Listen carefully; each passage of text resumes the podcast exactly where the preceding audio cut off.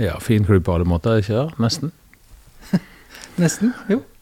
Skal vi si at det, det ser fint ut nivåmessig, dette her? Så tar vi oss en kjapp pissepause, og så begynner vi. Ja, greit.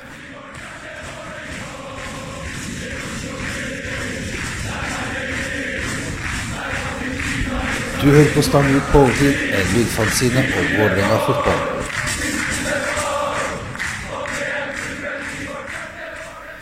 Hei og velkommen til den 20. Eh, ordinære episoden av eh, Stang ut på overtid. I dag sitter jeg her midt i arbeidstida, så jeg håper jo at eh, arbeidsgiver hører på. Så de skjønner at jeg ikke skulker, men driver med skikkelige ting.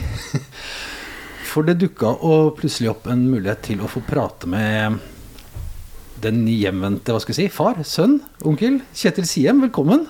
Tusen takk. Hyggelig å ha deg her. Ja, jeg håper du syns det. Å ja, det er klart jeg syns. Bra. Eh, det var ikke en overgang jeg egentlig Når vi så overgangsvinduet åpna, det var ikke denne overgangen jeg så komme først.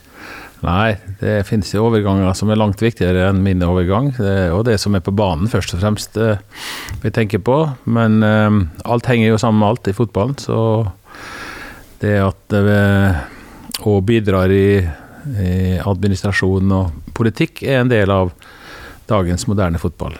Det er det.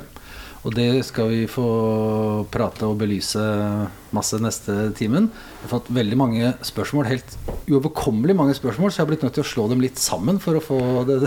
Ok, altså fått spørsmål. Hva mener du med det? Jo, jeg pleier å spørre hører, altså lytterne på Twitter oh, ja, sånn, om de har spørsmål til dagens gjest.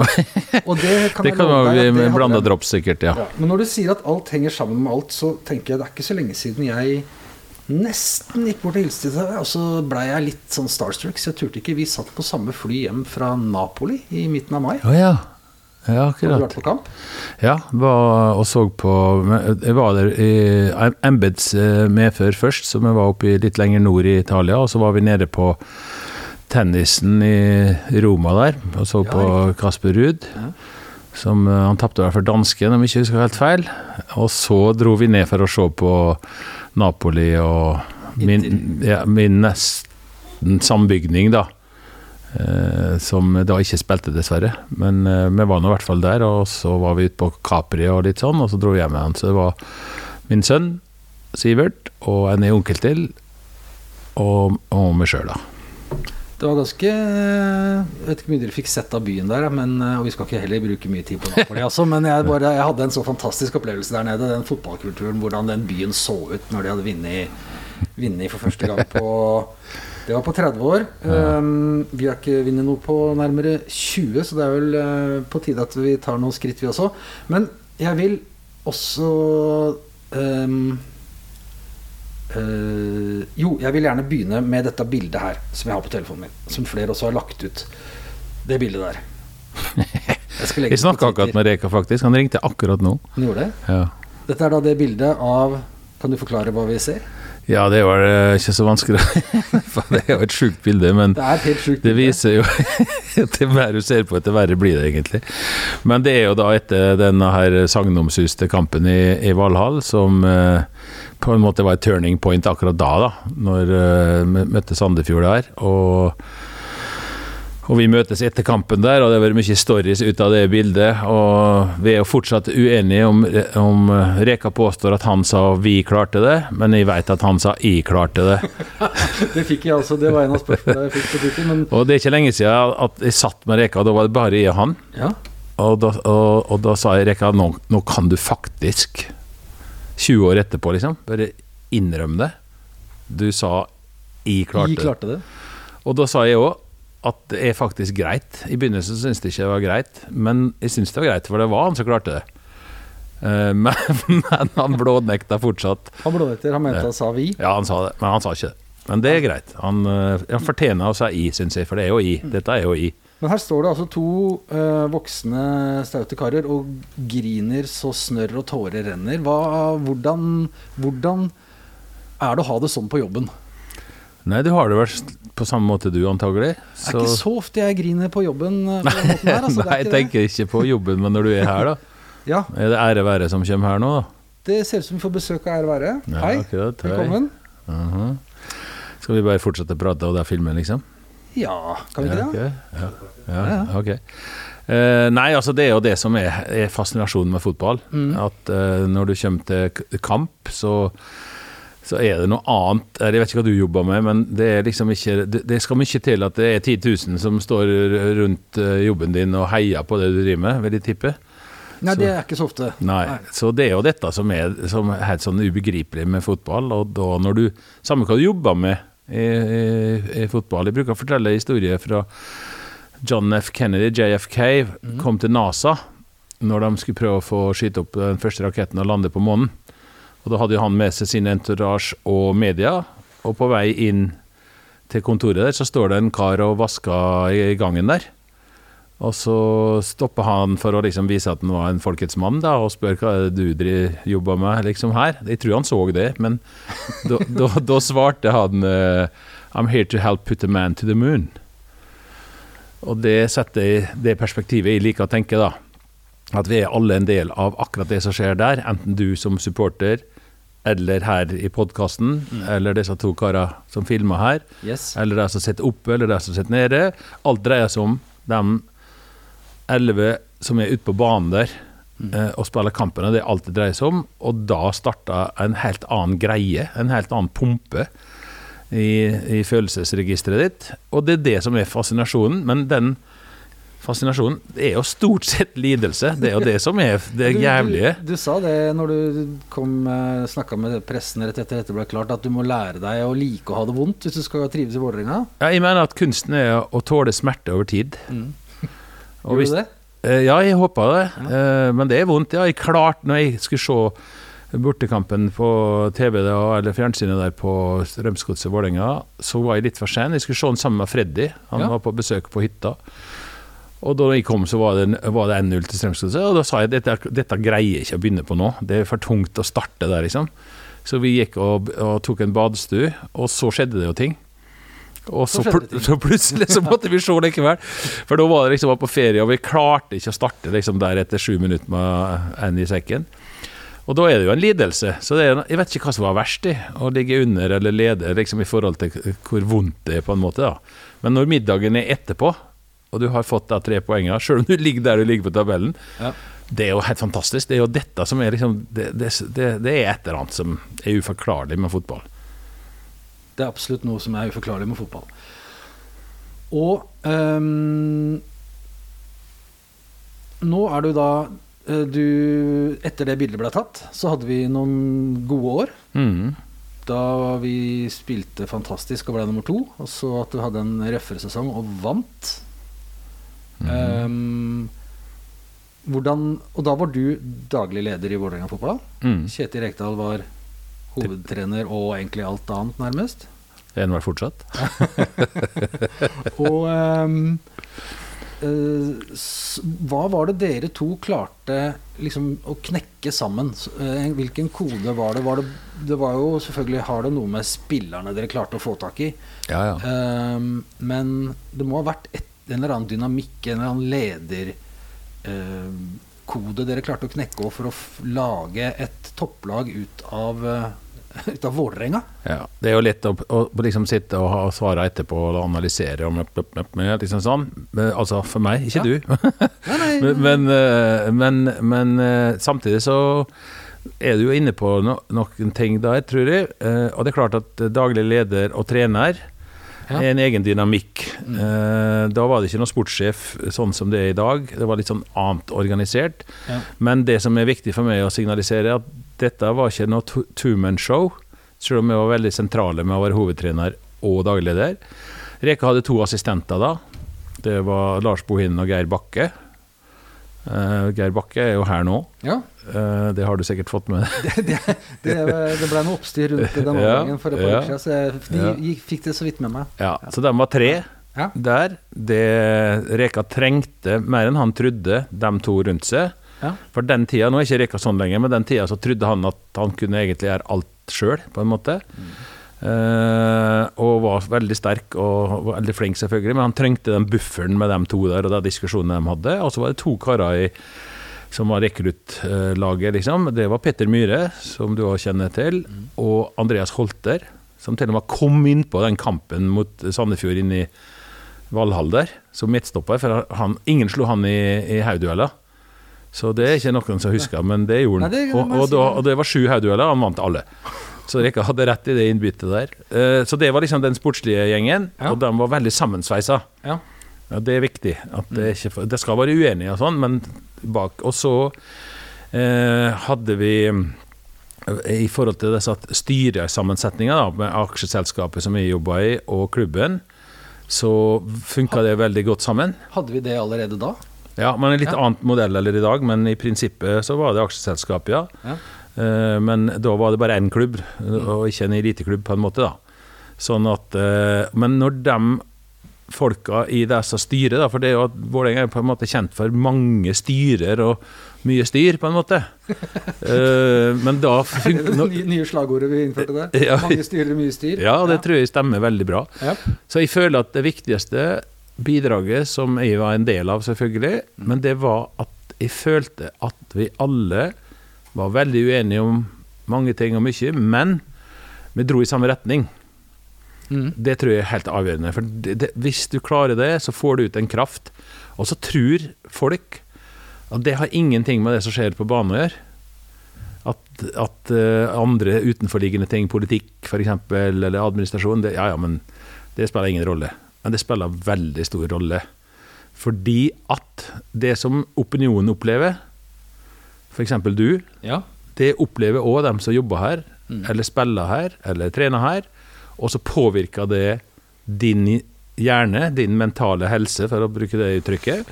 Og det påvirker det som skjer på banen. Det kan de garantere det. Så Derfor så er det så viktig at vi alle drar sammen. Og da er det merkevaren Vålerenga det handler om.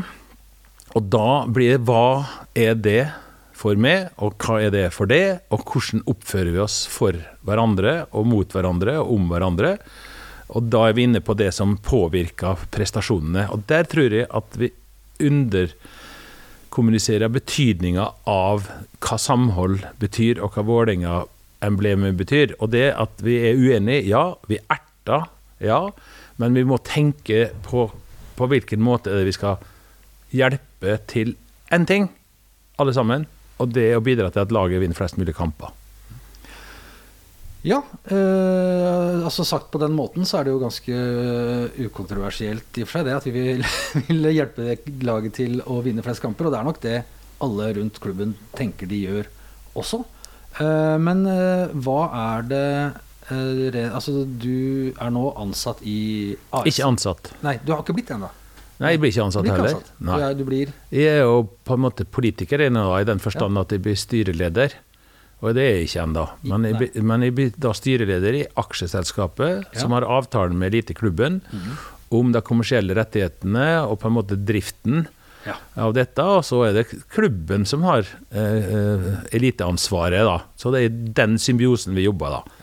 Og det var det mange som spurte om når du nå er tilbake, ikke da i klubben, men i eh, AS. Hva er det du egentlig skal jobbe med? Hva er det du skal gjøre eh, denne gangen? Ja, så, sånn som det var da, så var jeg daglig leder. Ja. Og gjennom meg som daglig leder, så rapporterer da eh, administrasjonen og det kommersielle til et styre. Og det styret har en styreleder. Den gangen så het styrelederen Stig Grimsgaard Andersen. Eh, nå heter styrelederen Kjetil Siem. Så jeg er da styreleder, så daglig leder i både klubb og ASA, den som er daglig leder, da, men i eller aksjeselskapet. eh, Den daglige lederen rapporterer da til meg, som styrets leder. Så, ja, så du har da på en måte kommet inn som sjefen til SPZ. Det er riktig. Og um, da har du vel antakeligvis ikke kommet i gang med å få denne rapporteringa ennå, eller har du det?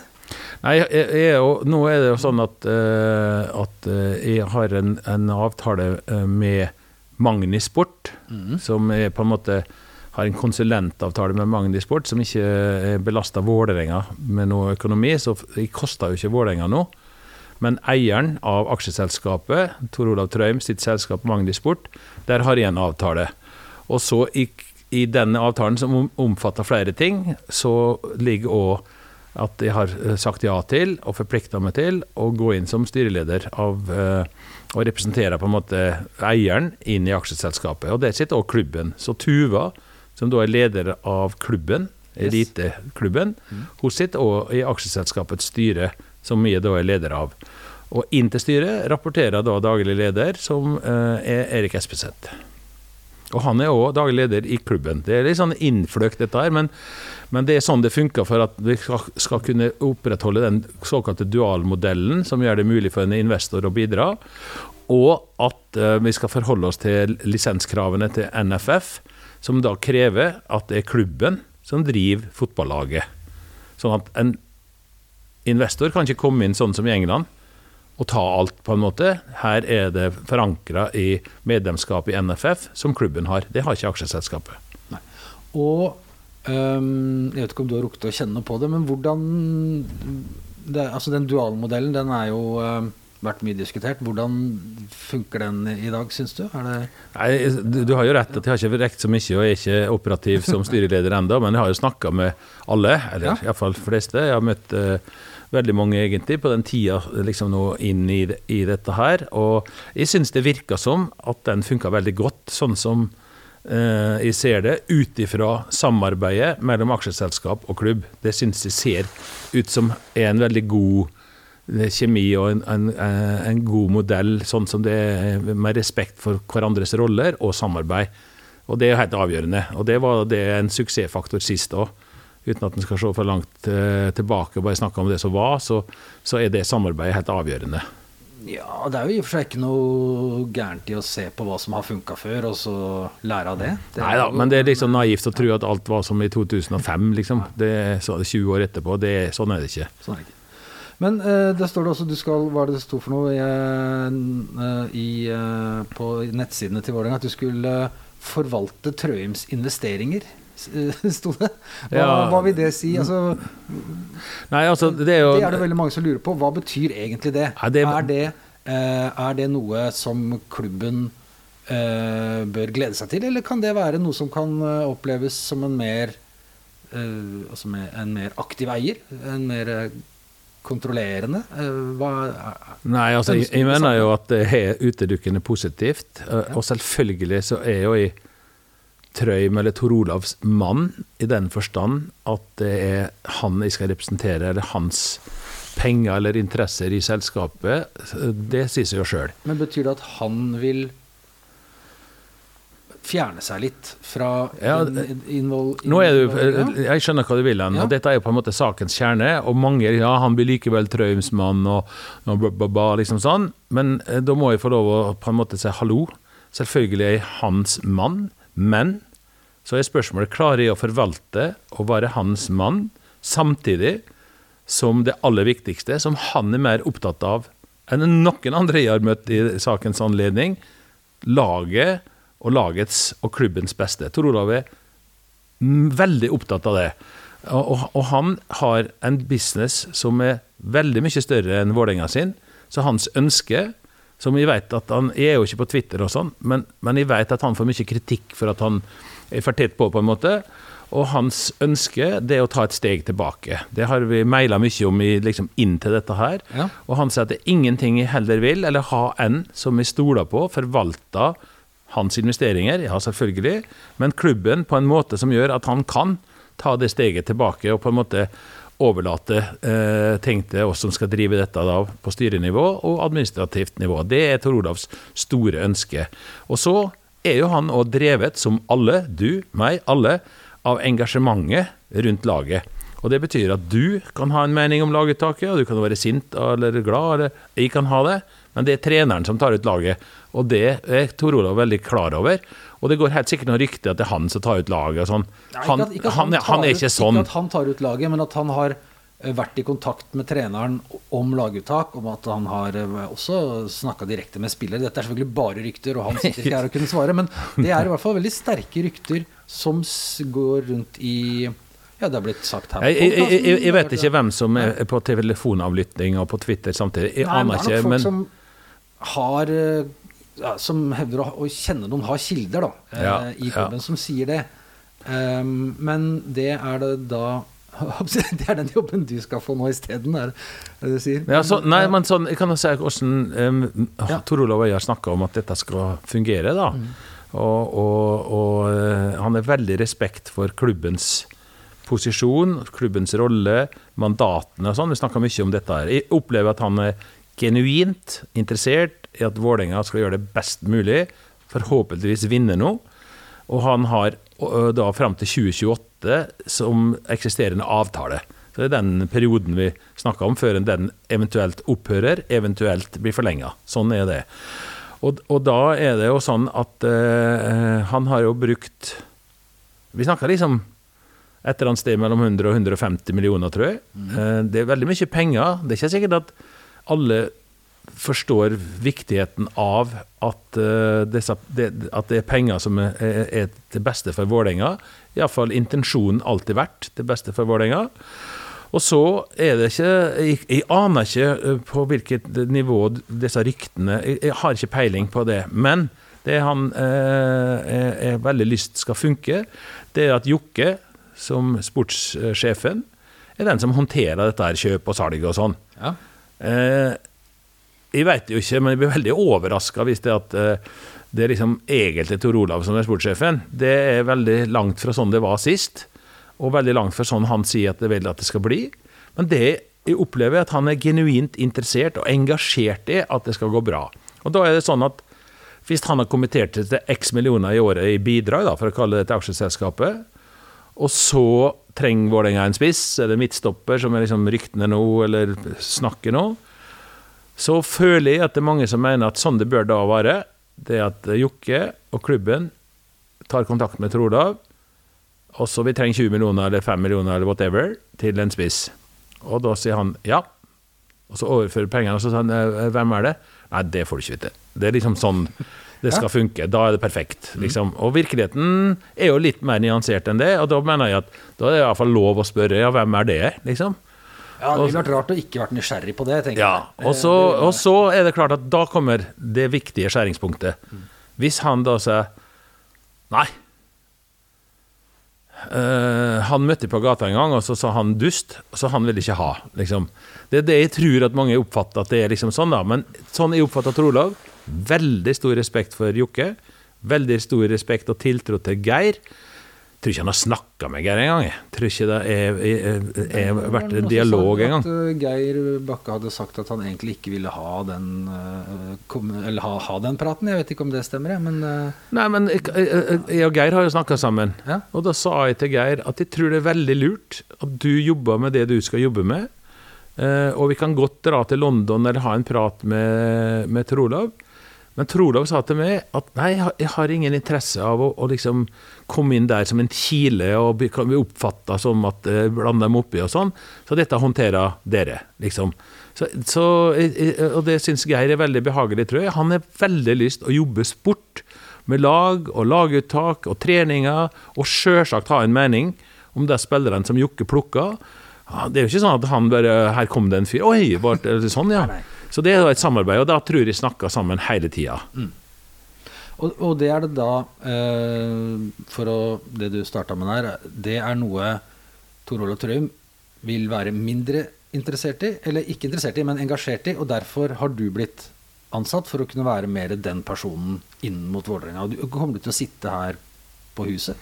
Nei, men altså, Jeg må jo passe meg sånn at det ikke blir sånn at den daglige lederen blir helt svett for at jeg er der hele tida.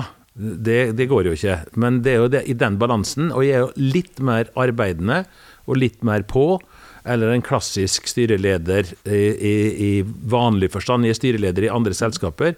Da møter jeg på styremøtene, eh, og det kan være tredje hver måned, og that's it. Så det blir jo mer på enn det. Ja. Eh, Og det er i den balansen at vi skal finne arbeidsformen, da.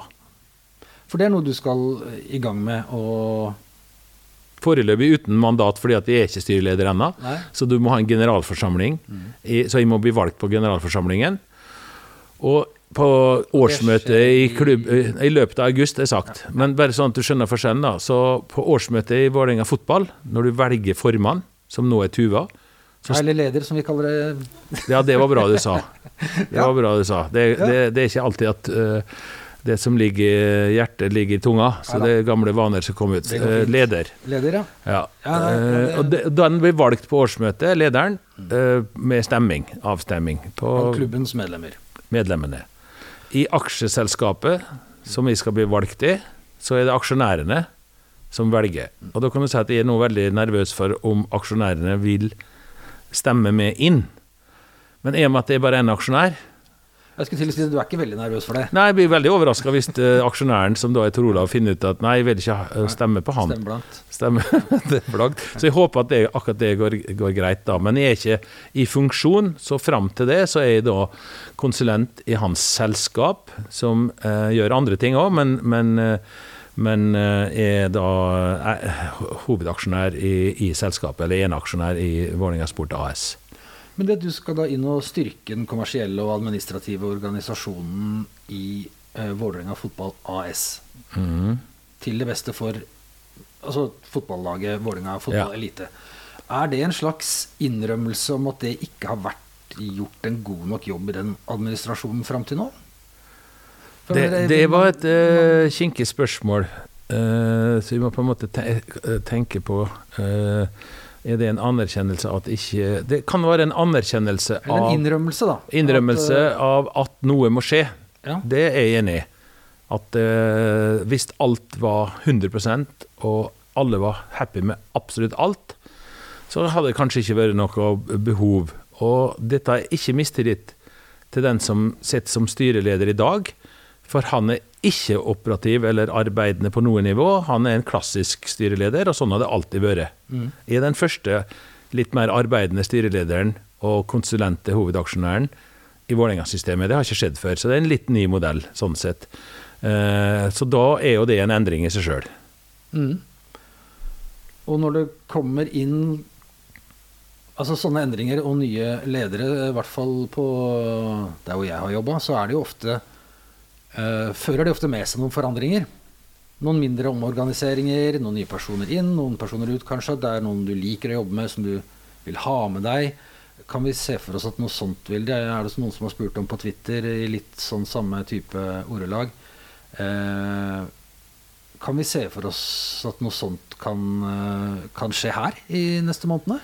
Det var rart hvis ingenting skulle skje, da. Hvis det at alt ble helt likt og ingenting eh, skjedde. Så det er jo klart at når jeg blir spurt, så er det jo et håp om at med min erfaring innenfor fotball og media og, og TV-rettighetene og forvaltningen av dem og sånn, at det kan bidra til at eh, det øker sjansen for at vi driver bedre og vinner fotballkamper. Det er jo selvfølgelig det som er bakgrunnen. Jeg er ikke noen garantist for det, men det er jo det jeg håper at vi kan sammen klare. da. Hvor, hvor jeg håper å si, tungt er det å snu sånne trender? For vi er, jo inne, altså vi er inne i, Hvis du nå snakker litt sport, så er vi inne i en blytung periode. Det går skikkelig dårlig. Vi Jeg vant sist, da. Ja, vi vant sist. Vi må jo alltid huske Eh, det. som det. at det var vendepunktet. Det, Ja, vi må jo håpe jeg synes det det. er litt tidlig, men eh, altså det, det har vært, eh, det har vært en historisk dårlig vår. Vi står i fare for at etter den sesongen så er det for første gang ikke representasjon fra Oslo i, på øverste nivå i, i eh, fotballen. Det er et ansvar vi har der på Altså hvor, hvor raskt eller seint hvor tungt eller lett er det å finne ut hva som må gjøres? For det er klart En organisasjonsendring det, det, det tar lang tid. Å bygge en kultur tar lang tid. Men så må vi gjøre noe på kort sikt også. Er det noe Ja, det har jo skjedd ting. Vi har fått en ny trener her, Det har vi fått. som eh, jeg personlig mener er et skup. Eh, Jeg syns Geir er en fantastisk person. Et veldig godt menneske. Han liker å bygge folk, og ikke uh, noe annet enn det. Han jeg mener at han er den treneren i Norge som, iallfall av det jeg har hørt og opplevd og sett, som har den beste balansen på det å være trener med det som kreves av hardhet og kynisme der, sammen med å være et godt menneske og opptatt av medmennesker og bygge folk eh, til å bli gode folk. Så det er jo allerede skjedd. Så det, det er jo ting på, på gang. Det neste som har skjedd, det er at det kom en spiller eller to på, på veien. Jeg syns jo at han som kom eh, fra, ja, eh, fra, fra IFK der, var et bra tilvekst i, i den kampen. Eh, som, Fin debut, det. Ja, det var jo det. Ja, fantastisk. Ja, Ja, ja. Sånn at det er jo to ting som kanskje har betydning. Ja. Eh, og det betyr jo ikke at Vålerenga aldri skal tape en kamp herfra og ut. Eh, Men kanskje bidro de to tingene til at eh, det fikk et godt resultat der. Men han hadde jo tre dårlige resultat, Geir òg, så, så det er jo ikke tvil om at han òg trengte jo den der Alle trengte det. Du trengte det, og jeg trengte det. Og jeg fikk jo en telefon fra NITV 2 som spør om etter tre tap, da Ombestemmer du det nå, liksom? Om du ville inn i Ja, men det kan, kanskje det er med tre tap så er det bedre å bare fortsette her, aktig. Ja. Eh, og det var ikke en av mine ledere, eller noe sånt, men han spurte noe, en, en kollega, da. Ja. Og så sa jeg at uh, den dagen jeg tar et sånt valg, basert på sportslige resultater på kort sikt, da er jeg i hvert fall feil mann. Så kan, jeg kan ikke bli påvirka av det, eh, sånn som vi tenker langsiktig og prøve å bygge en strategi rundt det, dette her.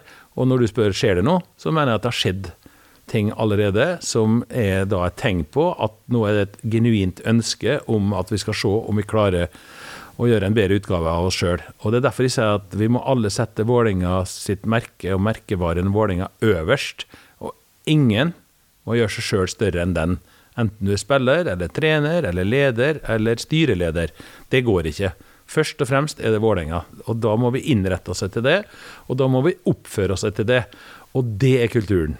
Det er den vi må definere, og så må vi alle sammen jobbe med tanke på hva er det vi representerer når vi er en del av Vålerenga. Um, og, og dette har det også, altså Når vi snakker om den med kulturen, for det har jo også vært eh, masse historier om i det siste, at det er en dårlig kultur i femte etasje på stadion. Altså et dårlig arbeidsmiljø. Og at eh, Og det har også vært noen som har hatt kilder, noen som har uh, snakka med noen. Og så er det selvfølgelig masse rykter, og det sa jeg i forrige episode, at vi må eh, være åpne for at en del av dette er rykter, og de som blir anklaga, sitter ikke her og kan ikke svare for seg. Men så hadde man sånn som eh, Ja, du kjenner vel Bernt Hulsker, regner jeg med, fra gammelt av. Han satt jo i en annen podkast og sa ja, men det er noe alle veit. I Vålerenga er det jævla dårlig arbeidsmiljø. Folk ser hverandre ikke i øya, sier han. Eh, Noen gruer seg til å gå på jobb. Og så tenker jeg, faen, hvis, hvis han sitter og sier det, det er jo helt krise. Ja, det er krise. Jeg, jeg vet jo ikke dette. Jeg er jo for- for- foreløpig utafra. Ja. Har det første møtet med alle ansatte i dag. Og når jeg snakker om alle ansatte, så er det sport og admin. Ja. Så vi møtes nå klokka tolv i dag. Og du møtte meg før dem. Ja, det sa de var veldig viktig at de møtte deg før.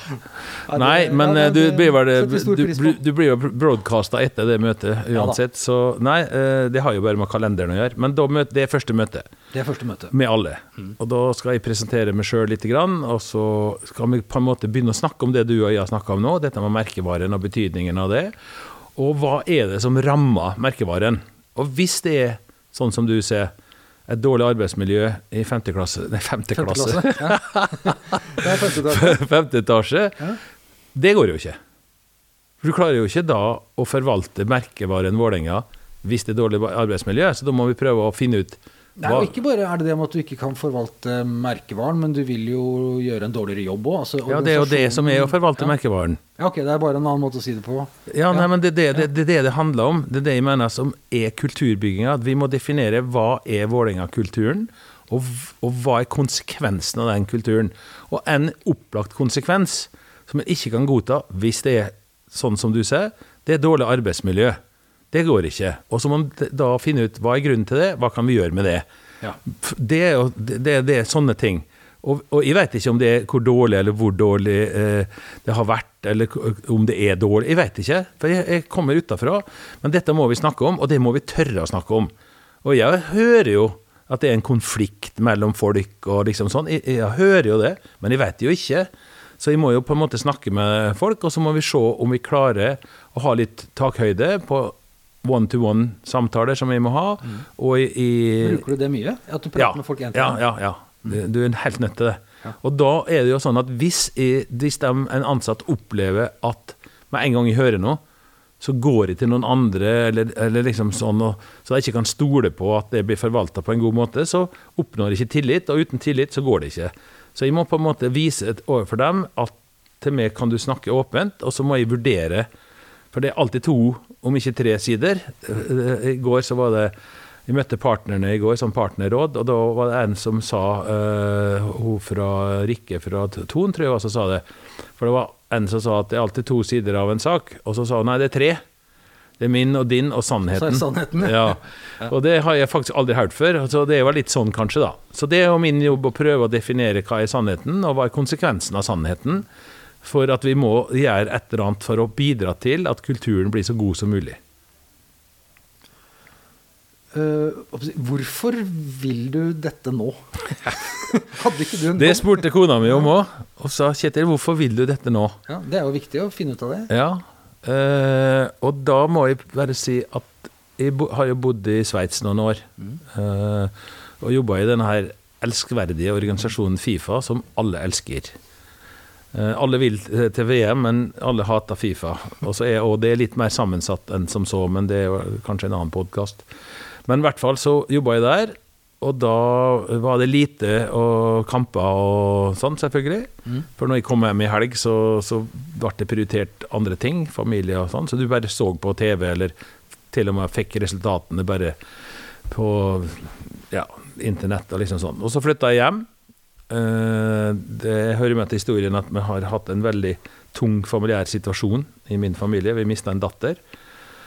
Og det, eh, det er jo grusomt på alle måter. Og da flytta jeg hjem, og så begynner jeg å gå på kamper. Og da får liksom pulsen et annet slag når du er på stadion. Det er noe annet, liksom. Men jeg tenkte aldri på å jeg har, lyst tilbake hit òg, det hadde vært bra. liksom sånn. Så traff vi Tor Olav på en kamp, og så liksom sier han at ja, det var liksom, det var, du, du må være med og bidra igjen, vet du. Det er liksom litt sånn bare, men ikke noe. Men når han da tok kontakt eh, Og det, dette er jo ikke lenge siden. Og jeg mener sjøl at jeg hadde verdens beste posisjon i forhold til arbeid med det jeg hadde, og spør kan du tenke deg å bidra igjen, så, så var det et eller annet som bare traff meg. Jeg, jeg klarer ikke å forklare det. Og så kan du si vil du det sjøl så vondt at eh, du skal inn i dette her, på en måte? Med den lidelsen, da. Ikke folka og dårlig kultur og sånn, men lidelsen knytta til For du kommer nærmere når du er inni der. Du kommer nærmere kampene, og det, lidelsen er verre når du er inni. Eh, liksom. Eh, og, men det var det som hadde vekka meg helt sikkert med å gå på kamper igjen og sånn. Og da, ja, da er det en engasjement, en motivasjon knytta til bidraget, som er grunnen. Så du ser at her er det noe jeg er emosjonelt knytta til, noe jeg er glad i, som Ja, ja. sliter, og du tenker at du kan eh, hjelpe til å gjøre det bedre? Nei, jeg aner ikke, fordi at alt koker ned til hva vi klarer på banen. Ikke sant? Vi kan være utrolig bra miljø i alle etasjer. Ja, men Tror du ikke det vil uh, spille sammen, da? Ja, men Det er det jeg prøver å si, at Ja. alt henger sammen med alt. Og det er derfor så er det så viktig at vi alle drar i samme retning.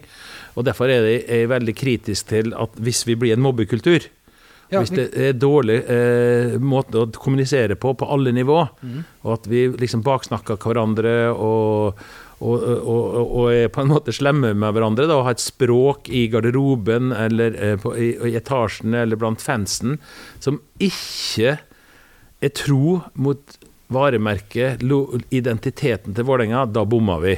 Det er det jeg mener med det. Uh, og nå tipper jeg at du bl.a. sikter til den uh, kampanjen som har vært mot, uh, mot SPZ i det siste fra deler av supportermiljøet, bl.a. Mm. Ja. Eh, når en sånn situasjon oppstår, eh, og det er masse misnøye blant eh, supporterne, og de, det virker som det er som det er daglig leder som veldig mange peker mot. Hva tror du er grunnen til at så mange har, har blitt så, så, så høylytt Altså liksom eh, sinte og krever hans avgang fra tribuneplass. Og, og så trenger vi ikke gå inn i liksom at noen sprayer på veggen og sånne ting, men altså, det, det er jo et stort og veldig sterkt eh, sånn engasjement og, og krav om at han skal gå av fra store deler av supportermiljøet. Hvordan er det å være på innsida av en klubb når presset blir sånn? Nei, det er klart at det er jo, det er jo på mange måter ut- uutholdelig. Jeg satt og så på en eh, dokumentar på NRK i dag tidlig. Jeg våkna veldig tidlig, og så i dag måtte jeg vente på kona mi. Så da så jeg det, eh, det tror jeg heter 'Drapet på en journalist' fra Slovakia. Og da kan du se litt, hvis du ser på den, så skjønner du liksom hva som kan skje når, når liksom raseriet tar, tar fart, på en måte. da. Så det er jo, det er jo eh, et sinne ute der som av en eller annen grunn har retta seg inn mot daglig leder i Vålerenga, utvilsomt. Vil du spekulere i hvorfor? En eller annen grunn. For det er jo ikke noe som kommer rett ut av det blå. Det må Nei, være noe som har bygd Men du avbrøt meg. Ja, jeg gjorde det. Du hadde, du hadde ikke kommet hit. Nei da, kanskje, beklager. kanskje prata litt mye. Men, Nei da, nei, men altså, jeg har kjent uh, Espeseth eh, fra den tida han var i Rosenborg. Ja. Og så var han i Strømsgodset, og så en her. Det er jo på en måte, For noen kan det være en grunn til liksom hvor er hjertet, på en måte. da.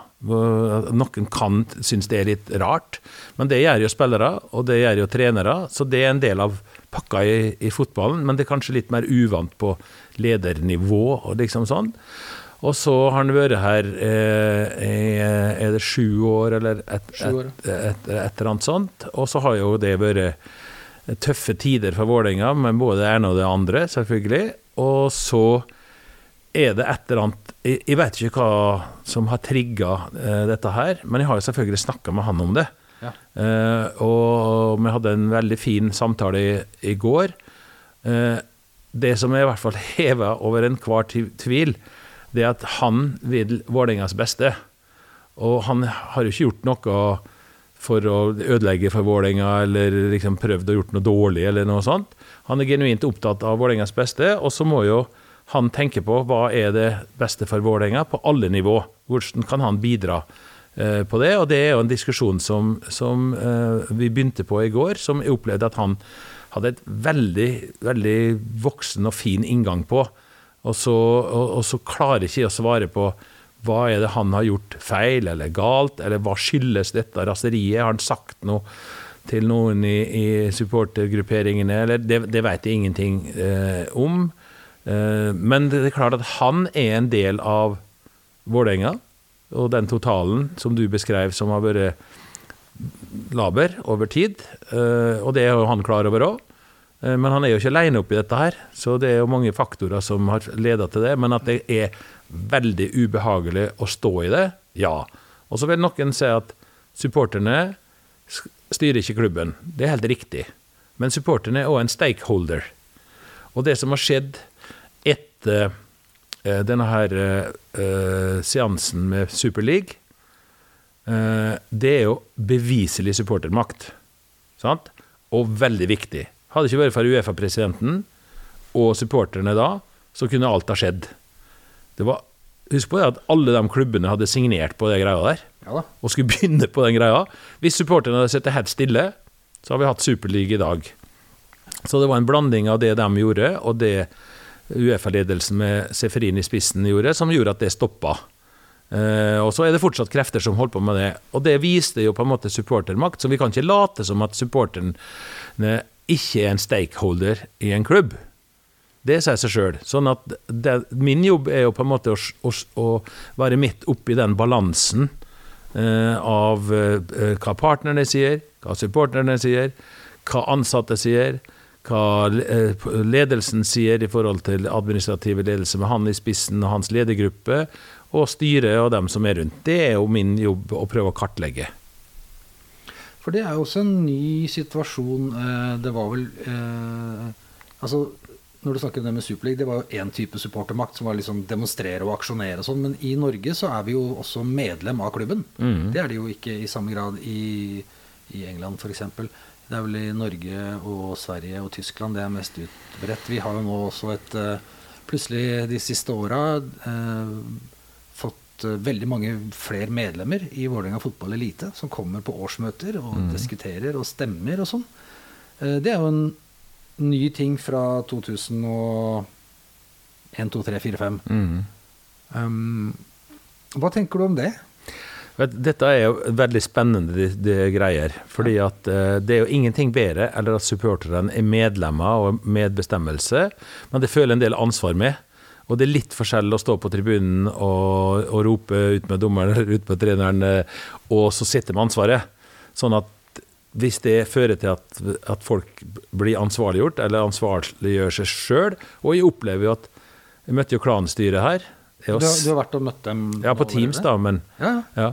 Eh, svært oppegående folk, veldig fornuftige innganger på ting. Så det er jo ikke sånn at, at hvis klanen eh, har noe skulle sagt, ja, da går alt til helvete, for det er bare tullbukka. Det er ikke sånn i det hele tatt. Jeg opplever det som svært fornuftige folk. Men jeg ser jo at det ble jo vist her noen tweets fra folk som har vært ganske sentrale, som, som er ganske spesielle med å slenge fram ting. Det er det jeg syns er litt sånn farlig med Twitter. da, I dette tilfellet det, gikk det jo på meg. At det var kjent for ditt og kjent for datt. Og så er det, det er ikke noe holdepunkt, eller det er ikke noen eksempler og sånn. Det er en del av kulturen og Twitter-kulturen jeg syns er dårlig, fordi at vi, vi bare videreformidler og slenger fram ting som, som eh, ikke er, er fundamentert på i, i, konkrete ting, og da er det litt sånn vanskelig. Det, det må jeg innrømme. Men at supporterne er medlemmer og, og, og blir aktive inn i en klubb sånn, det er jo bare, bare fint. Ja, og så er det ja, og det er også to vidt forskjellige ting eh, å stå på tribunen. Der vet jo alle at der kan vi komme til å rope ting og si ting som ikke passer seg noe annet sted i verden. Og jeg tror ikke vi skal være redd for at det er det som skjer på Nei, også. Det, det, er såpass eh, må man, det er jo derfor vi er glad i å gå på fotballkamp. For Det der er kan det følelsene sier. Det er akkurat det jeg sier. Ja. Det er jo bare kjempefint. Um, men du er ikke noe aktiv twitrer, du heller? Eh, Nei. Nei. Jeg, jeg, jeg syns at det er, det er nesten drepende ødeleggende deler av den verden. fordi at sosiale medier er jo kommet for å bli, sånn som andre sier at VAR er, kommet for å bli. Så er jo det en del av vår hverdag. Men det, det er ikke en sannhet. Og det er det jeg oppfatter at mange tar Twitter for å være sannheten. Sånn er det ikke.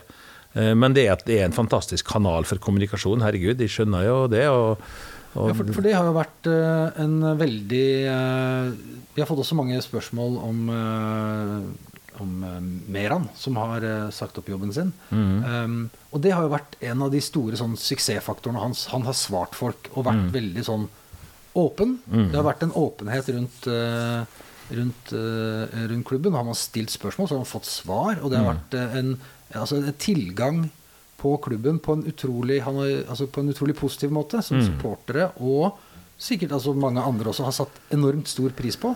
Utvilsomt. man-. Man, kan få svar. Og så har noen satt opp da med um, Espeseth var det noen som har sagt han har tvitra åtte ganger siden han tok over Vålerenga, og det har vært åtte ganger om golf og én gang om Vålerenga. Så, så, det handler noe om uh, tilgjengelighet. Ja, ja. Og jeg skjønner at folk ikke kan ha i, som en del av jobben sin å svare på sosiale medier 24 timer i døgnet. Det forstår jeg godt. Ja, ja. Men det å være synlig og til stede der Vi får ikke se Kjetil eh, Siem på TikTok eh, denne høsten? Nei, men Jeg har lyst til å være tilgjengelig i den forstand. F.eks. her, da, så, så, så tok jo jeg dette initiativet, for jeg, har- jeg har lyst til å kommunisere ut. og og det kan jo være andre som eh, tvitrer på vegne av klubben, liksom. Og det, det daglig leder eh, eller en av daglig ansatte kan jo være den som på en måte formidler klubbens syn. Men jeg har veldig lyst til å, å ta tak i det du sier om, om Meran. Jeg har jo snakka med Meran, jeg òg, og, og er veldig klar over at han har sagt opp. Men at han har gjort en jobb som er helt utrolig god inn mot supportermiljøet, men også mot eh, sponsormiljøet, partnermiljøet. Da var jeg veldig eh, enig i eh, partnerrådet i går, eller jeg tror det er partnerrådet, eh, sin oppfattelse av hans betydning i forhold til deres nettverk og sånne ting. Så at han har gjort en god jobb i, i Vålerenga, og gjør en god jobb som har hatt stor betydning, uomtvistelig. Og han har brukt Twitter på en sånn måte som, som dem som ikke bruker Twitter, òg kanskje misforstår. I forhold til hva du gjør og hva du ikke gjør, og, og, og, og er du en supporter sjøl, eller hva representerer du? Eh, Så det er en annen diskusjon, men at han har hatt stor betydning med at folk føler at de kan spørre, få svar, få en del, bli en, en naturlig del av, eh, av eh, klubben, det er jo helt opplagt, og det fortjener en veldig honnør for. Uh, ja, ja uh, i aller høyeste grad. Og det er jo uh, Som du sier, det går an å gjøre det på den måten også. Det må ikke bli Jeg, jeg, jeg er også veldig enig i at det kan bli giftig. Jeg syns jo tonen i spørsmålene når jeg sa at jeg trengte spørsmål til i dag, var også overraskende det bærer preg av at det er en, en slags mistillit mellom deler av supportermiljøet, altså i hvert fall de som er på Twitter, som sa, det er jo ikke hele verden, men det er noen, og administrasjonen i klubben. Og det øh, si, kraften i det uh, over, overraska meg litt til vårt møte. Jeg vet ikke. Uh, du har vel ikke lest det. Jeg kan jo finne noen spørsmål uh, et, etter hvert som har kommet inn, så kan vi prøve å, Ja, ja. å prate om det. Det første er da fra Det er ikke sikkert jeg Som jeg sa, det er så, jeg fikk så mange spørsmål at jeg er nødt til å sammenstille en god del av dem. Ja, ja. Noe av det går på um, um,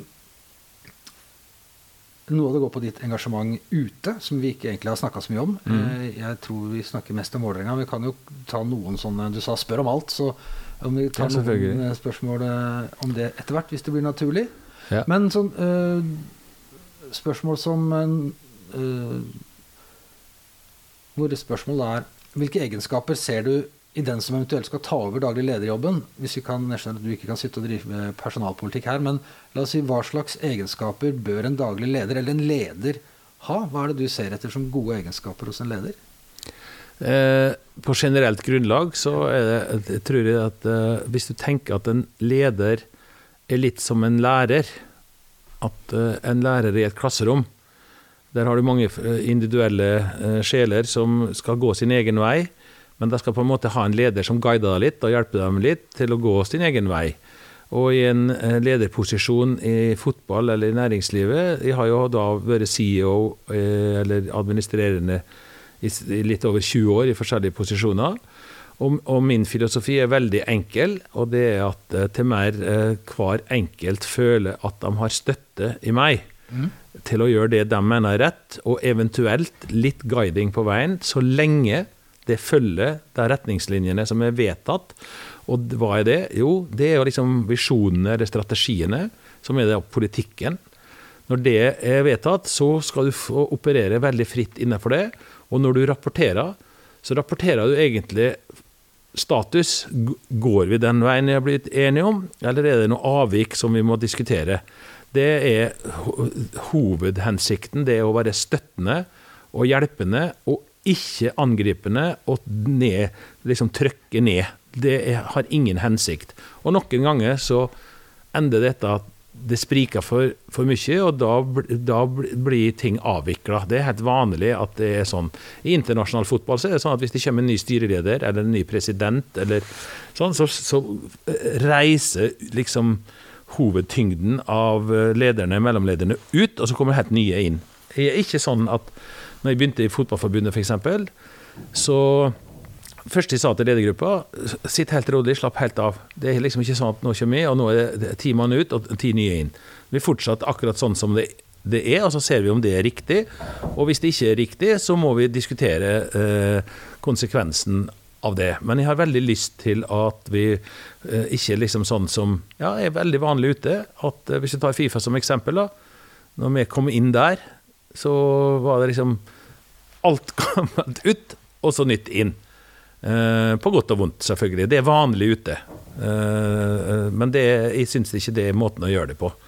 Men vi må jo også se hva som funker, og prøve å finne ut det. Men en god leder han er der for å hjelpe og guide at en gjør det som er vedtatt i strategiene. Hvor viktig er et godt arbeidsmiljø for at en organisasjon skal kunne prestere på topp? Det er kulturen, og det er helt avgjørende. Dårlig arbeidsmiljø, om det er innad i laget, som en svært ofte ser, for det er den vanskeligste mekanismene av alle. For det er noen som sitter på benk, som kanskje til og med håper at spissen bommer på straffe, for da spiller jeg i neste kamp. Vi må ikke glemme at det er en grusom konkurranse inni et lag som skal være sammensveisa. Så det, det er ikke noe tvil om at den spilleren som venter og håper på en sjanse, han må få lov til å håpe at hovedkonkurrenten ikke spiller så innmari bra den kampen, for da øker sjansen for denne neste gang. Eh, samtidig som en selvsagt håper at laget vinner. Men dette er liksom det jeg kaller fotballens mekanismer. og hvis du, hvis du tror at alle på benken eller i troppen håper at alle gjør det bra hele tida, og bryr seg ikke om om en spiller sjøl, da tar du feil. Alle vil spille. Og alle mener til og med at de er gode nok til å spille. Men det er treneren som bestemmer hvem. Og da har vi ofte sånn at spillere vil bort. For at de spiller ikke nok, f.eks. Og treneren er en idiot for at de ikke spiller nok. Dette er jo helt vanlig, og dette kjenner vi til og med igjen i barnefotballen. Men der er det ofte foreldre som mener at treneren er en idiot. Så det er et voldsomt engasjement rundt å spille, ikke spille. Og det arbeidsmiljøet, og det gjelder òg her da i femte etasje, at det er helt avgjørende at en får et godt arbeidsmiljø, ellers så klarer en ikke å bygge kultur. Har du og Trøim satt et mål for, eh, for din oppgave her? Er det, en sånn, Ja, det har vi jo. er det noe du kan si? Ja, du, vet, vet at det er jo ikke så Jeg tror ikke det målet er så langt foran noen andre klubber, egentlig. For det er jo ingen som er med i Eliteserien for å, å prøve å rykke ned, eller prøve å tape, eller ikke vinne cupen, eller Alle vil jo vinne. Det er jo det som er hele greia. Og før sesongen, før første serierunde, så stiller vi alle likt. Og det, jeg tror ikke noen som budsjetterer med nedrykk, liksom. Alle vil nå Europa, komme videre i cupen, legge det inn i budsjettene. Det er litt sånn drøm i alt. Så det er jo selvfølgelig å se om en på den tida han har igjen av den kontrakten, som er fem år, klarer å vinne nå. Og skulle vi vinne cupen i år, så kan vi si at da er mission completed, og så kan vi bare finne på noe annet. Så det er, det er å prøve å vinne, for da klarer du å, å komme deg i Europa, og da kommer liksom litt penger. Se, se på disse Færøy-karene nå. Fantastisk. ja. Ja, men du, åssen kan vi i Vålerenga si at uh, vi har ikke sjans mot Bodø-Glimt i semifinalen? Men det er ingen som sier det. Nei, men du vet ja, Nei, det går ikke. Nei, det er klart det er vanskelig å møte Bodø-Glimt. det Såpass Ja. ærlig skal vi være. Ja, men når, fla, fla, Er det Flaksvik det heter, eller hva er det heter for noe?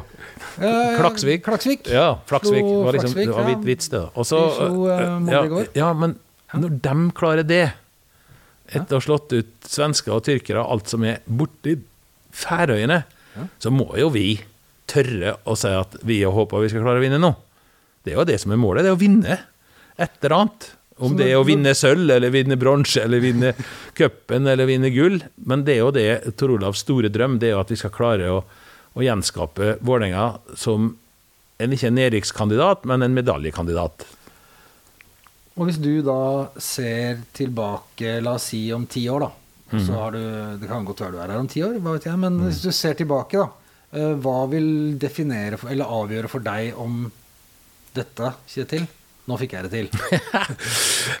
Nei, da må jeg nesten spørre det.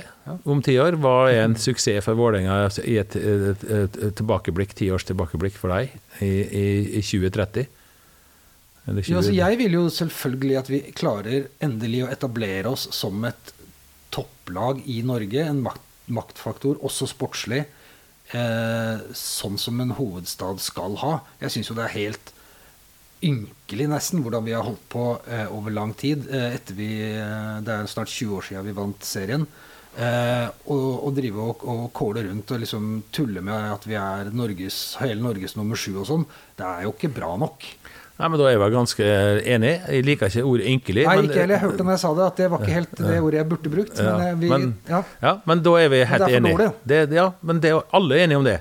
Så da håper jeg at vi sammen, du òg, kan bidra til at vi klarer å etablere oss som en seriøs aktør i hovedstaden. Med masse folk og engasjement og interesse, og, og, og at vi får til å bli et liksom topp Ikke bunnen sju-lag, men topp To- top fire, top fire lag. bør vi ligge i hver Ja, år, men da er vi enige. Det må vi prøve på. Bra. Um, du nevnte 2028. Da Mm. går jo avtalen mellom AS og Elite, Vålerenga fotball elite, ut. Ja. Eh, hva, hva, hvordan planlegger dere fram mot det? Har dere begynt å prate om det? Hva vil det bety? Ja, eh, Tor Olav eh, Han sa vel på det møtet med Unnskyld, nå avbryter jeg igjen. Går Han sa- jo på det møtet at han eh, ønska som et alternativ berede grunnen til å trekke seg ut i 2028. Ja, det han sier til meg, da, Ja. det er at eh, jeg håper at vi i løpet av disse årene kan bygge en slags, kall det legacy, han sa ikke hans legacy, men en legacy for klubben som gjør at klubben kan velge. Kjører vi videre alene? Kjører vi videre sammen med han? Hvis han eh, har motivasjon og, og lyst og mul mulighet. Så han er overfor meg helt åpen. Men han sier at skal klubben ville gå alene, så må det være tilrettelagt for at det er å gå alene. Og skal de videre med han, så må det òg være tilrettelagt for at det funker. Så han er helt åpen på begge options, og han sier at det må vi bare se. Men hans mål er at den tida fra nå fram til da skal være akkurat likedan. At det er beredt for begge deler. For det er kun suksess i den perioden som vil, vil åpne muligheten for begge deler. Og Vålerenga, etter mitt syn per i dag, er avhengig av det han har gjort i forhold til økonomi. Og så må vi se om vi kan få et, en, en, form på dette som gjør at eh, klubben sjøl kan velge. For da kan jo klubben velge. Sånn, jeg kjenner ikke avtalen, men da kan jo klubben velge. Er det riktig å fortsette hvis Tor Olav vil, eller med andre konstellasjoner, eller skal han prøve sjøl? Fordi å kunne bygge seg opp sånn at klubben sjøl kan eh, La oss si da at de vil være eh, uavhengig av investorer og klare seg helt sjøl. Så er jo den samarbeidsavtalen som den er i dag, gir jo ikke klubben mulighet for å spare eller se budsjettet budsjett over lang tid. Det går fra år til år, og går det underskudd ett år, så dekker han det inn, og så skylder man i gåseøynene da bort masse penger. Og man kan ikke da se en hvordan Vålerenga fotballelite skal kunne legge opp penger når alt sånn vi selger, spillere for, selger en spiller for 30 millioner, og så går det sånn i teorien bare inn i et stort sluk vi skylder eh, Magni Sports. Mm. Jeg, jeg, har dere diskutert noe om det? Hvordan, hvis man skal berede Vålerenga fotball da, til mm. å kunne stå på egne bein, mm. eller ha en annen modell for mm. investering. Hvordan, hvordan, de som eh, jobber med, med budsjetter og, og, lange planer, skal kunne få forutsigbare arbeidsforhold? Uavhengig om, om målet er for alle parter at klubben tar over, eller han fortsetter, så må han da komme i en posisjon i 2028. Eh, La oss nå se at i uh, 2028 så vant 2027 eh, så vant Vålerenga serien. Og i 2028 så er de i Champions League-kvalifisering, og det går kjempebra. Og så når du da Den, den kan jeg bli med på. jo, jo, men da må jo klubben uh, finne ut er vi nå i posisjon til å kunne ta et steg. Er det et mål, eller er det faktisk bedre å ha den, den bufferen eller den tilstrømmingen av kapital som har hjulpet eh, for å holde budsjettene over de åra det er snakk om. Det er jo den diskusjonen. Eh, og det vet jo ingen hvor vi står i 2028. Men, men eh, om det er et ønske å fortsette, eller et ønske å starte butikken for seg sjøl, så vil jo de åra fra nå og fram til da avgjøre det. Er vi solide nok til å kunne det ene eller det andre? Og der er Tor Olav til meg helt åpen. Han sier at vi må prøve å bygge dette så solid at klubben kan ta det valget. Og hvis de ønsker Det kan jo være at de ikke ønsker videre med han, og han ønsker videre, eller motsatt. Men det, det må vi bare se hva vi kan klare. Og det starta jo nå med å prøve å unngå nedrykk i, i år. Det, det, er jo ikke noe tvil om at det er jo det som er prio én for Vålerenga nå. Det er å hindre nedrykket. Og det får vi håpe at Strømsgodset-resultatet var et steg i rett retning. Ja, jeg tror ikke vi rykker ned. Det var godt å høre. ja, nei, jeg tror ikke vi gjør det.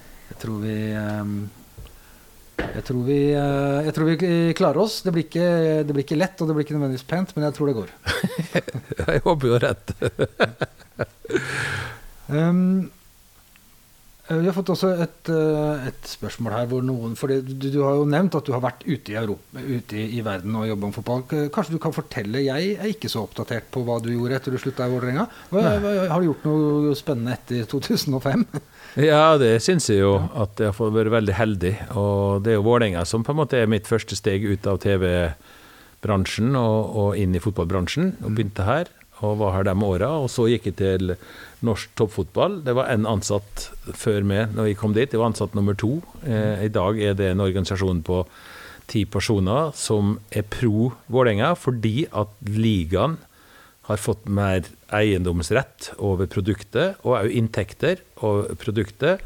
Medbestemmelsesrett i en god symbiose med Fotballforbundet. Jeg var veldig sentral i å prøve å lage den samarbeidsavtalen, for det var, det var ja, steile fronter da, mellom ja. ligaen og forbundet. Og så, gjerne en annen gang, så, så havna jeg da i Sør-Afrika. Når jeg sier gjerne en annen gang, så kan jeg fortelle hvor tilfeldig det egentlig var at jeg havna der. Men det har faktisk med Royal League å gjøre. Det var sånn det begynte. Eh, og så var jeg der og hadde en eventyrlig spennende eh, periode eh, som CEO av ligaen der. Mm. og så var jeg rådgiver til han som var styreleder i, i VM samtidig. Det var selvsagt kjempe, kjempespennende. Og da allerede der er det mange som mener at ok, her Afrika, VM, Fifa sentral, her er det mye korrupsjon, og her er det mye liksom sånn det, Og det baserer seg bare på at det kan jo ikke være noe annet, liksom. Det må jo ha skjedd noe der. Det er, liksom, det er sånn det er. Og så kan du jo si at det var ca. 80 personer som FBI og sveitsiske myndigheter har tatt av fotballkorrupsjon og sånn de siste åra.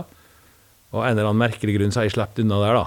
Så jeg må ha korrumpert ja, er En som spør om det direkte på Twitter. Tok du noen gang imot penger under bordet i forbindelse med VM i Sør-Afrika? Det er et fantastisk spørsmål, men, men vi, hva skulle det vært? På en måte Jeg er litt sånn spent på hva, hvilke penger fra hvem skulle jeg ha tatt. Eh, Det er litt, det er litt sånn artig å ha visst hva var det jeg skulle fått penger Det er, altså, det er ikke, ikke mitt spørsmål, og spørsmålet stoppa der. Men man kan jo se for seg tildeling av rettigheter, tildeling av eh, arrangementer. Hva vet jeg? Men Ja, og det, spørsmålet det- er vel eh, altså, Det, men det, er akkurat det du på en måte innrømmer eller avslører, hva vet jeg.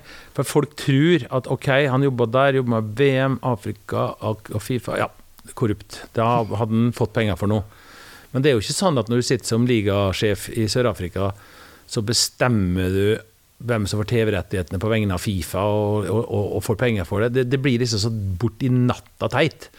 Når det er sagt, så er jo Afrika et kontinent der det er uhorvelig med korrupsjon. Det er jo ikke, jeg har jo sett masse eksempler på det, selvfølgelig. Men vi klarte faktisk å rydde veldig mye i dette den tida eh, vi var der. Og eh, jeg kan ikke sitte og, og liksom si sånn og sånn, og, og ikke- spør meg om det, og liksom sånn. Men eh, det er jo lett å si at nei, jeg har ikke mottatt noe korrumperende penger eh, som fotballeder i, i, i Sør-Afrika. Og, og det, det er mer sivilisert enn som så, uten å antyde at det ikke eksisterer korrupsjon. Og hvis du vil en gang, så kan du ha en podkast, så skal jeg forklare det hvordan fotballkorrupsjon foregår. Det har vært veldig spennende. Ja. Er, for det, det er så lett å si at ja, men det er helt sikkert. Jeg har hørt fra sportsjournalister helt umulig at han har kommet seg dit han har gjort, uten korrupsjon. Men ingen har liksom svaret på hva er det som, og hvem er det som er korrumpert, og på hvilken måte. Og når vi samarbeider i Fifa med FBI og sveitsiske lovmyndigheter om disse arrestasjonene, hvordan klarte de å slippe unna det, da? Liksom, var, det, var det FBI korrumpert? Det, det blir så dumt. Sånn at, eh, men jeg skjønner spørsmålene, fordi at jeg har jobba i Fifa, jeg jobba i Afrika. Jeg forstår det. Men eh, kort svar nei. Jeg har ikke mottatt det, nei. Det var et langt svar til å være et kort svar. Ja, unnskyld, her, da. nei, da, det er veldig gøy å høre om dette her, eh, Kjetil. Eh, er det elementer med kulturen fra storfotballen, står det Fifa og Uefa i parentes, som du øh, føler du skal legge av deg før du kommer på, på arbeid i, i Vålerenga? Og så følger han opp med Og hva, hva har du opplevd som mest problematisk ute i verden? Ja, det, dette, dette spørsmålet er riktig. Ja. Dette syns jeg er et jævlig kult spørsmål. Uh, for det første så er setter han likhetstegn eller hun mellom Fifa og Uefa. Det er ikke noe likhetstegn. Det er veldig stor forskjell, faktisk. Uh, det trenger vi ikke heller å gå inn i. Men, men uh, Fifa arrangerer egentlig to mesterskap, dem, som har betydning, for å si det sånn. Det er det som går nå. Kvinne-VM. Og så er det the big thing og det er herre-VM. Og ingenting er større. Du kan holde på med Champions League og Premier League og alt, men ingenting er større enn VM-finalen for menn i fotball. Det er det største innen fotball i verden, og den er, den er så stor. Og det merkeligste er at alle penger til Fifa de kommer fra den finalen. Eller det mesterskapet hvert fjerde år. Så en sånn problematisk ting det var at det er aldri nok i Fifa. Det er aldri nok penger, men det er det heller ikke her, eller i Premier League, eller i Champions League. For når vi er ute med TV 2 og skal prøve å kjøpe Champions League-rettighetene, så er det ikke sånn at Uefa sier nå har vi lyst til at det skal betale litt mindre, fordi at klubbene våre vil ha litt mindre penger.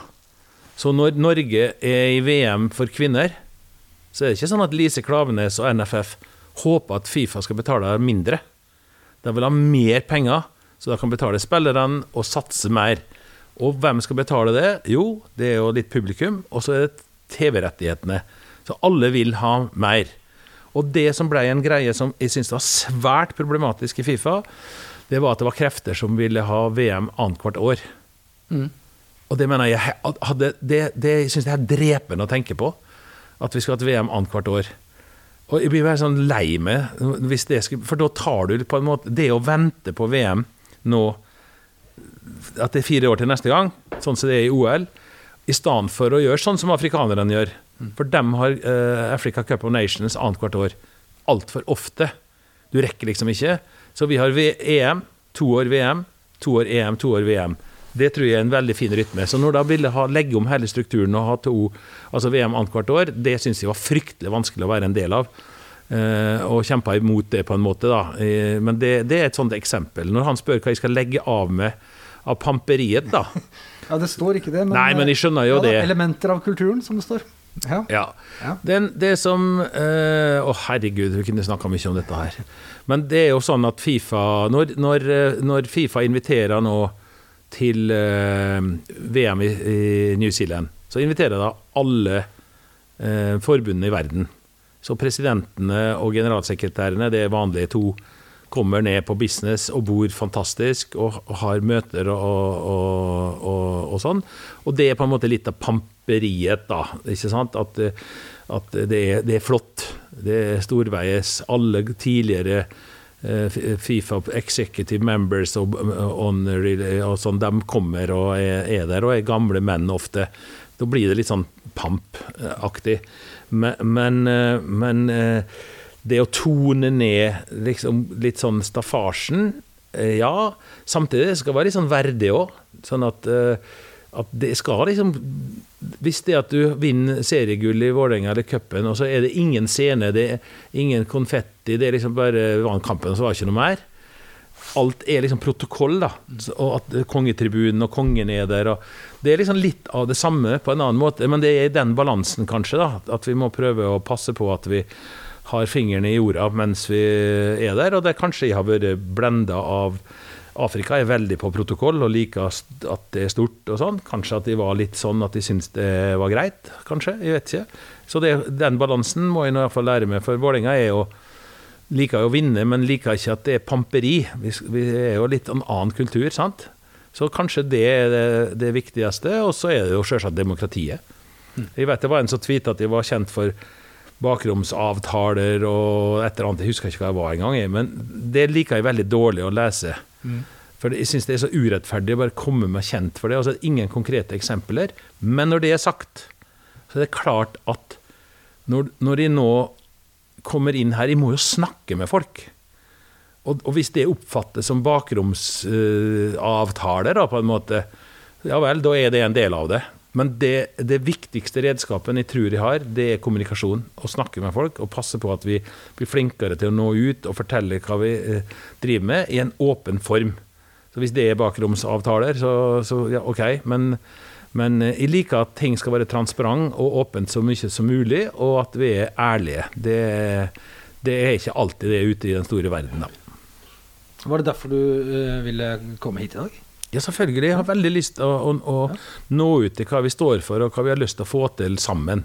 Jeg har veldig lyst til at din podkast bidrar til at alle tenker Yes, vi, vi er en gjeng, alle sammen, og vi har forskjellige roller. Og alle roller på hver sin måte er veldig viktig. Jeg har fått et spørsmål også fra eh, en eh, Det er vel Ja Aman Kwat, ser det ut som, fra TV, TV 2. Ja. Eh, han sa Det var litt gøy. Eh, hva mener han er de konkrete årsakene til at VIF underpresterer ut fra forutsetningene? Jo mer konkret, jo bedre. Ja. Da tror jeg at Nei, jeg skal prøve å svare kort. For jeg tror det er ikke så veldig hokus pokus. Jeg tror, tror at, at uh, kulturen uh, som er nå, har ramma oss litt. At vi er ikke uh, Vi drar ikke nok i samme retning. Vi må prøve å samle kreftene. Sånn at folk respekterer Tor Olavs rolle som investor på samme måte som han respekterer. Jeg sier ikke at folk ikke respekterer, men i det øyeblikket vi greier å knekke koden at vi er sammen, i ikke minst sport og administrasjon, som vi vet har vært avstand på nå. Geir er motsatt i forhold til å få at alt henger sammen med alt. Det er liksom det. Det tror jeg eh, er et veldig kort og kjapt bidrag. Vi starta i dag klokka tolv. Sport og administrasjon, felles møte. At vi ser at vi er av det samme. Og så en typisk eh, gnisningspunkt som jeg snakka med Geir om, det er at eh, Meran og marked ønsker at spillerne stiller opp på det og det og det og det for media eller eh, interne media eller sponsorene, mens treneren ofte tenker nei, for mye styr, vil ikke, nei, nei, nei, nei, nei. Og så sier markedet ja, men de betaler så og så mye. Og, og den forståelsen på den balansen må vi knekke. Det er et godt eksempel. Og hvis vi klarer det, så øker det sjansen for at det blir bedre på banen. Hvis du skal rekke å få deg en brødskive før du skal i det viktige møter ditt klokka tolv, så begynner Jeg er på vi slankeren. Det har jo vært, det har vært hele tida, så jeg dro herfra. Men du må få justert blodsukkeret. Ja. Nei, men så har jeg også fått et spørsmål på SMS. Mhm. Fra antagelig en som uh, kjenner deg litt bedre enn de fleste på Twitter. Som sa uh, Siem er jo en fyr som liker å pranke kompisene sine. Kjenner du deg igjen i det?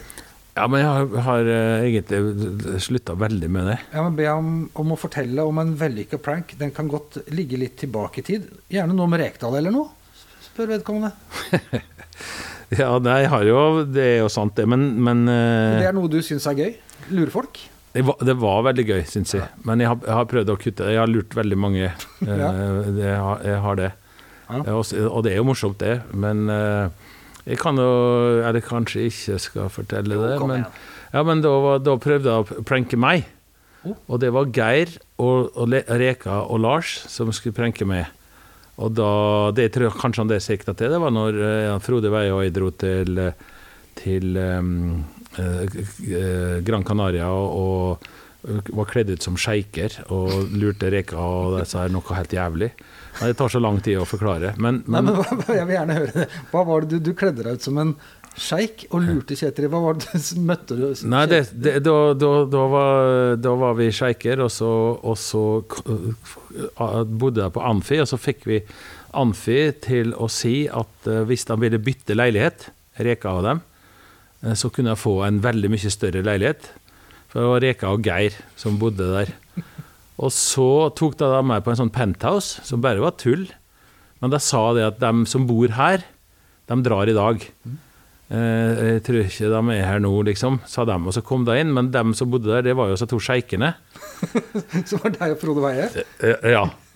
Så, og da, da, var vi liksom Da så vi disse her eh, Vi var liksom, hadde sånn lakengreier. Og så hadde vi avtalt med Lasse Holm, eh, Leit Lasse Holm, som eh, var eh, material- og assistent på, på logistikk, at når han skulle liksom gå bort for å liksom si noe til disse eh, sjeikene, så skulle vi nappe tak i han og hive den inn i, på det soverommet og banke han opp, liksom, da. Og da er jo Geir og Reka i andre enden, så jeg bare hører at Lasse begynner å rope om hjelp. I dødsangst inne på det rommet der. Og da kom Geir, Geir inn. Reka var litt mer tilbakeholden, for at det, det, eh, Lasse ropte, og de drev på meg, og, liksom, var, og vi drev med litt sånn eh, fremmedspråk og ropte og skreik og sånn. Og så åpna Geir forsiktig, veldig forsiktig døra for å se hva i helvete er det som foregår inne her? Og når da døra var akkurat oppe, så kleppa jeg tak i hånda hans og nappa den inn. Og da, Det var nesten dødsskriket fra Bakke. Men så tok vi av med dette greia der, og så ble det jo veldig morsomt. Eh, men da sa Geir at dette er det jævligste jeg har blitt utsatt for, sa han da. Så det var vel kanskje den pranken. Men han tok en hevn på meg, så vi får ta en annen gang. Men da, da, da Så det, det var en del sånn, da. Hvis du havner i ordentlig trøbbel en gang og må velge mellom eh, Kjetil og Rekdal og Geir Bakke, så er det Bakke som kommer og hjelper deg først. Hvem er treneren i Vålerenga? Ikke Hvem er- sant? Der kan du se. Ja, ja. Nei, Bakke, det er fine karer begge to, men akkurat der og da så var det Geir som kom inn døra der. Jeg eh, har fått eh, veldig mange gode svar, og håper de som hører på, har fått mange gode svar òg. Er det noe du eh, til slutt har lyst til å si, som vi ikke har eh, kommet til, eller ikke har fått dekka? Jeg er helt sikker på at vi kunne sittet her i seks timer, og jeg kunne fortalt det veldig åpent om åssen jeg kom til Sør-Afrika, åssen jeg kom til Fifa, hva jeg gjorde i Sør-Afrika, gjorde i Fifa, for å ta bort litt dette her mystiske knytta til dette. her. I Fifa så jobba det når jeg begynte der 500-600 personer, men ble vel 1000, 800 000-900 000 kanskje, mens jeg var der. Ufattelig mye flinke folk. Men samtidig så er det ting som har foregått i Fifa. Vi snakka om Qatar, f.eks. Mange mener at, at, at jeg liksom støtta at folk døde i Qatar, på en måte. da. Det var en greie eh, som jeg har fått mye for. At de elsker Blatter. Eh, og at eh, det jeg sa i forhold til Qatar, at de håpte og trodde at det skulle bli en brobygger mellom kulturer. Eh, for dem som var der, så gjorde det det. Men forståelsespårene var ikke der. De sitter hjemme og, og, og, og ser ingen nyanser. Og jeg prøver ikke å hvitmale eller, eller skjønnmale Qatar som land eller, eller som fotballnasjon. Ingenting. Og det er veldig mye som skjer nå. Og fotballen er under enormt press med penger fra den regionen. Vi ser det i Manchester City, vi ser det i Paris Saint-Germain. Vi ser det nå i Saudi-Arabia, som så vidt har begynt. Det, det, er bare så vidt det har begynt. Og vi ser på de pengene på en helt annen måte enn de amerikanske penger på en måte. De russiske penger som har vært der, er nå i en helt annen greie. Dette er superinteressant. Og vi tror at det ikke angår Vålerenga. Det gjør det. For hva hvis en av disse klubbene eid av Saudi-Arabia, for å sette det på spissen, skal vi møte i en cup, eller selge en spiller til Plutselig så angår det oss på en helt annen måte. Blir vi invitert i en cup i Saudi-Arabia, går det ikke an å dra, mens Norge som nasjon handler enormt med Saudi-Arabia eller Emiratene. Dette er veldig interessante diskusjoner er det fotball, eller er det ikke fotball? Sånn at jeg har veldig lyst til å snakke mer med deg om sånne, eh, sånne ting. Men det som er viktig nå, syns jeg, det er jo hva som skjer utpå der. Og det er jo kampene og mm. Vålerenga dette først og fremst handler om. Og da er det hvordan kan vi alle sammen bidra til at uh, Vålerenga vinner kamper, og i første omgang ikke rykker ned denne sesongen. Det er det vi må ha fokus på. Mm.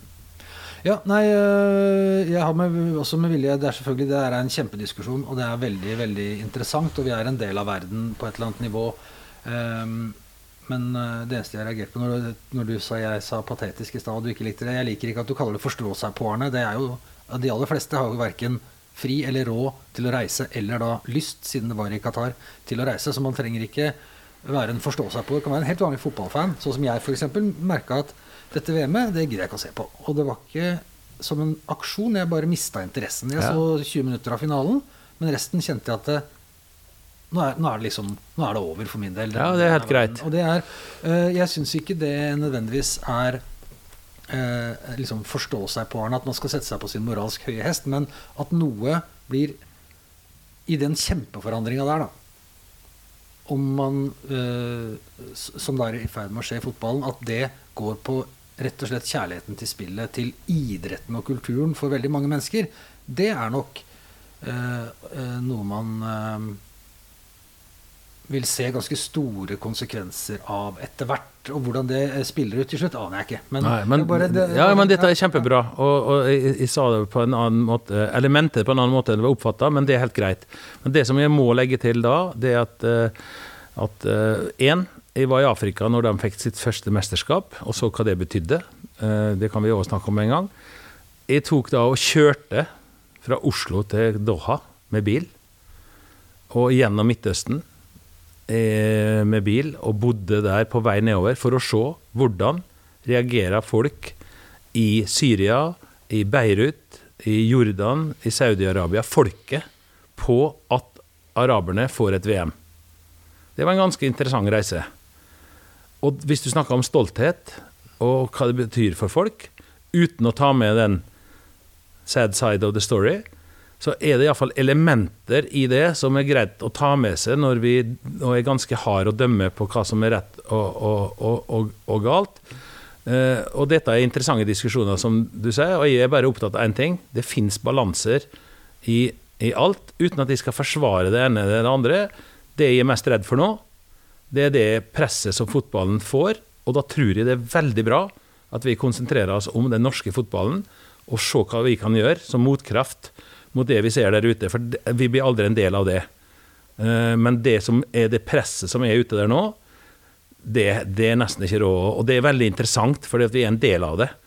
Eh, og hvor havner det neste VM-en? Blir det Saudi-Arabia, Egypt og Hellas som tar det sammen? Eller blir det noe helt annet? Det er meget interessant. Og da er det viktig at f.eks. Lise blir valgt inn i de internasjonale styrene, som vi egentlig ikke vil vi skal være en del av, men jeg tror det er viktig å være en del av for å påvirke. Så, men dette er en helt annen diskusjon. Men, vi- ja, det- jo, jo, men det, det vel, vi er en del av det. Vi er en del av fotballfamilien, og derfor så er det viktig. Eh, Men det viktigste, det er to ganger 45 utpå her. Haugesund next. Haugesund Next, skal vi si at eh, det kan være en fin avslutning på en, eh, en lang og god både Vålerenga og fotballprat. Tusen takk for at du kom, eh, Kjetil Siem. Tusen takk for at jeg fikk komme. Det var, var, var veldig artig å prate med deg. I like måte. Da takker eh, Stang ut på overtid eh, for seg. Jeg heter Jon Hernes, og meg finner du på Twitter og Facebook hvis du vil ha tak i meg. Vi hørs.